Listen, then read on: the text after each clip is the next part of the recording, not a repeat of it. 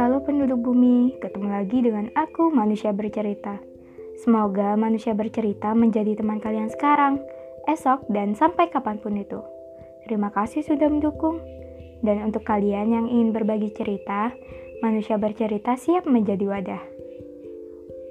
Di podcast kali ini, manusia bercerita akan membahas tentang hari penungguan yang ditunggu-tunggu, yaitu pengumuman SBMPTN. Semoga hari ini ada kabar baik datang. Dan buat kalian, jangan lupa siapkan mental apa pun yang terjadi. Pasti diredek, semua badan jadi dingin. Seminggu sebelum pengumuman, sulit untuk tidur, overthinking terus-menerus, bingung, stres, nafsu makan mengurang, dan cemas gak karuan. Udah, yuk, kalian udah berjuang banget Apa pun yang terjadi, semoga diberikan ketabahan dan kekuatan selalu. Aku pernah banget ngerasain ditolak senam PTN. Semua jalur dicoba demi perjuangan kampus yang diinginkan. Waktu ditolak senam PTN tahun lalu, down parah sampai nangis setiap malam. Dan yang paling menguatkan waktu itu adalah ibu. Waktu pengumuman, ibu menemani buka web. Sewaktu melihat pengumuman, aku disambut mendapatkan tulisan maaf.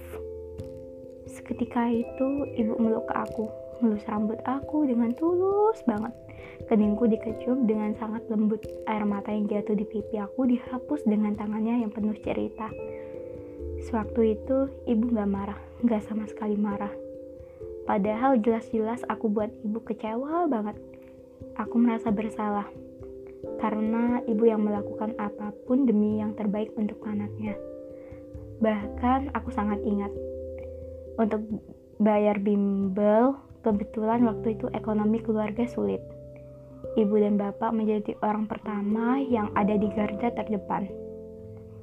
Aku ingat banget, demi biaya bimbel, ibu sampai ngorbanin jual perhiasannya demi aku. Jujur, aku ngerasa bersalah banget sampai aku bilang gak usah bu. Ini kan perhiasan ibu. Yang paling ibu suka. Simpan aja bu. Dipakai. Tapi lagi-lagi ibu nolak. Malahan ibu bilang kalau aku gak mau terima. Nanti aku gak diakui anaknya. Jadi ya udah aku terima. Tapi sekalipun sebenarnya kasihan dan gak tega Aku bilang, gak apa bu, gak usah bimbel. Aku belajar sendiri dan sharing bareng teman-teman. Tapi ibuku adalah ibu yang mau ngelakuin apa pun demi yang terbaik untuk anaknya. Ibu yang gak maksain anaknya dapat nilai 100. Ibu yang gak maksain anaknya juara kelas.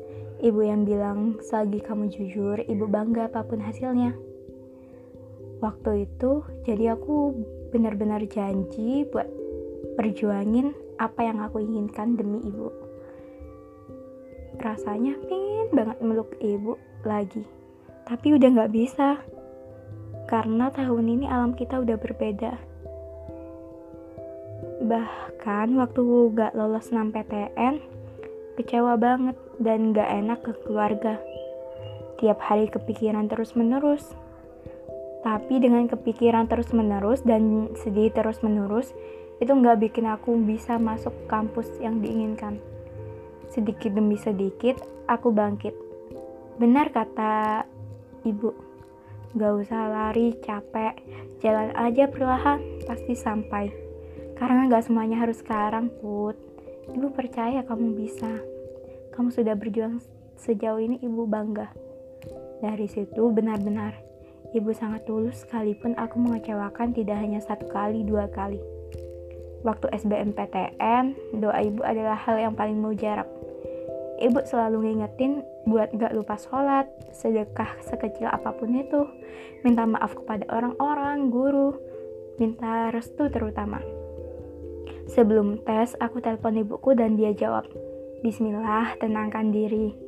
Jangan lupa bismillah, ibu berdoa dari jauh. Ternyata doa ibu semenenangkan itu.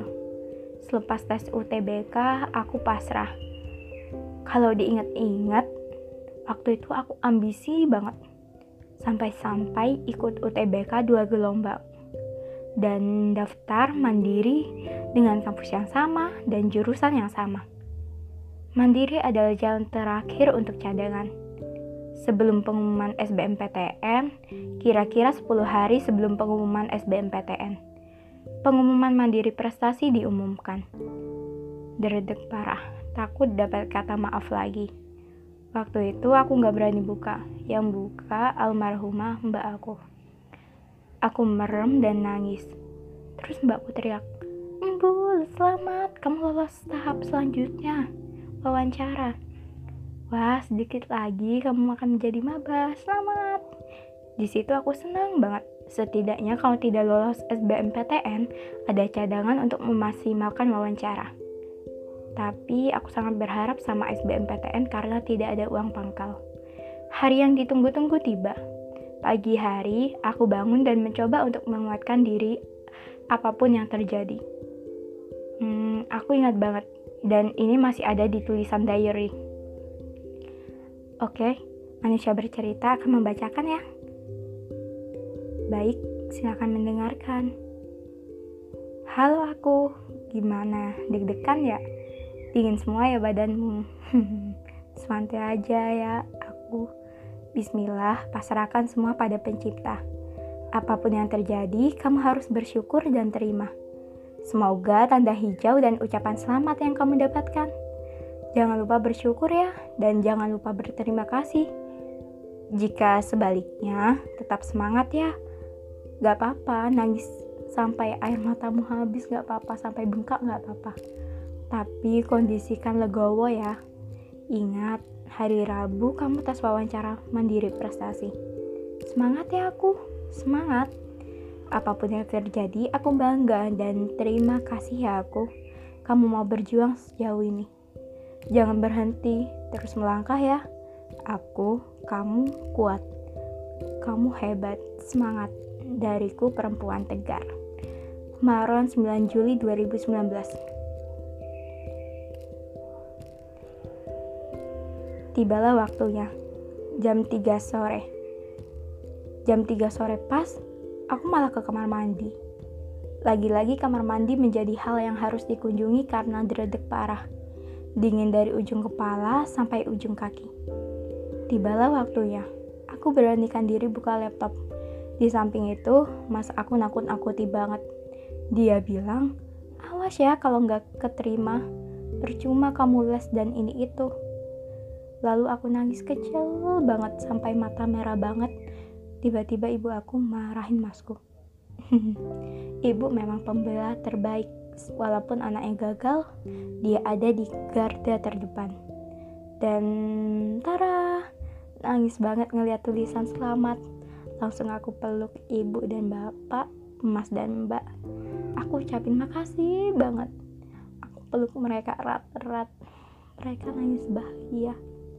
Baru kali ini kami sekeluarga sedekat ini.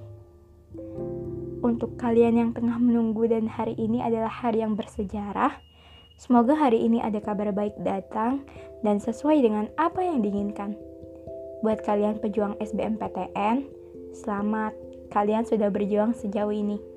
Hari ini adalah hari pengumuman. Bagi yang diterima dan dinyatakan lolos, selamat. Doa kalian terjawab sudah dan ini rezeki yang terbaik dari Allah. Jangan di, jangan disia-siakan ya masih banyak perjuangan yang harus kalian perjuangkan. Jangan lupa berterima kasih kepada orang tua, sebab tanpa mereka kalian bukan apa-apa.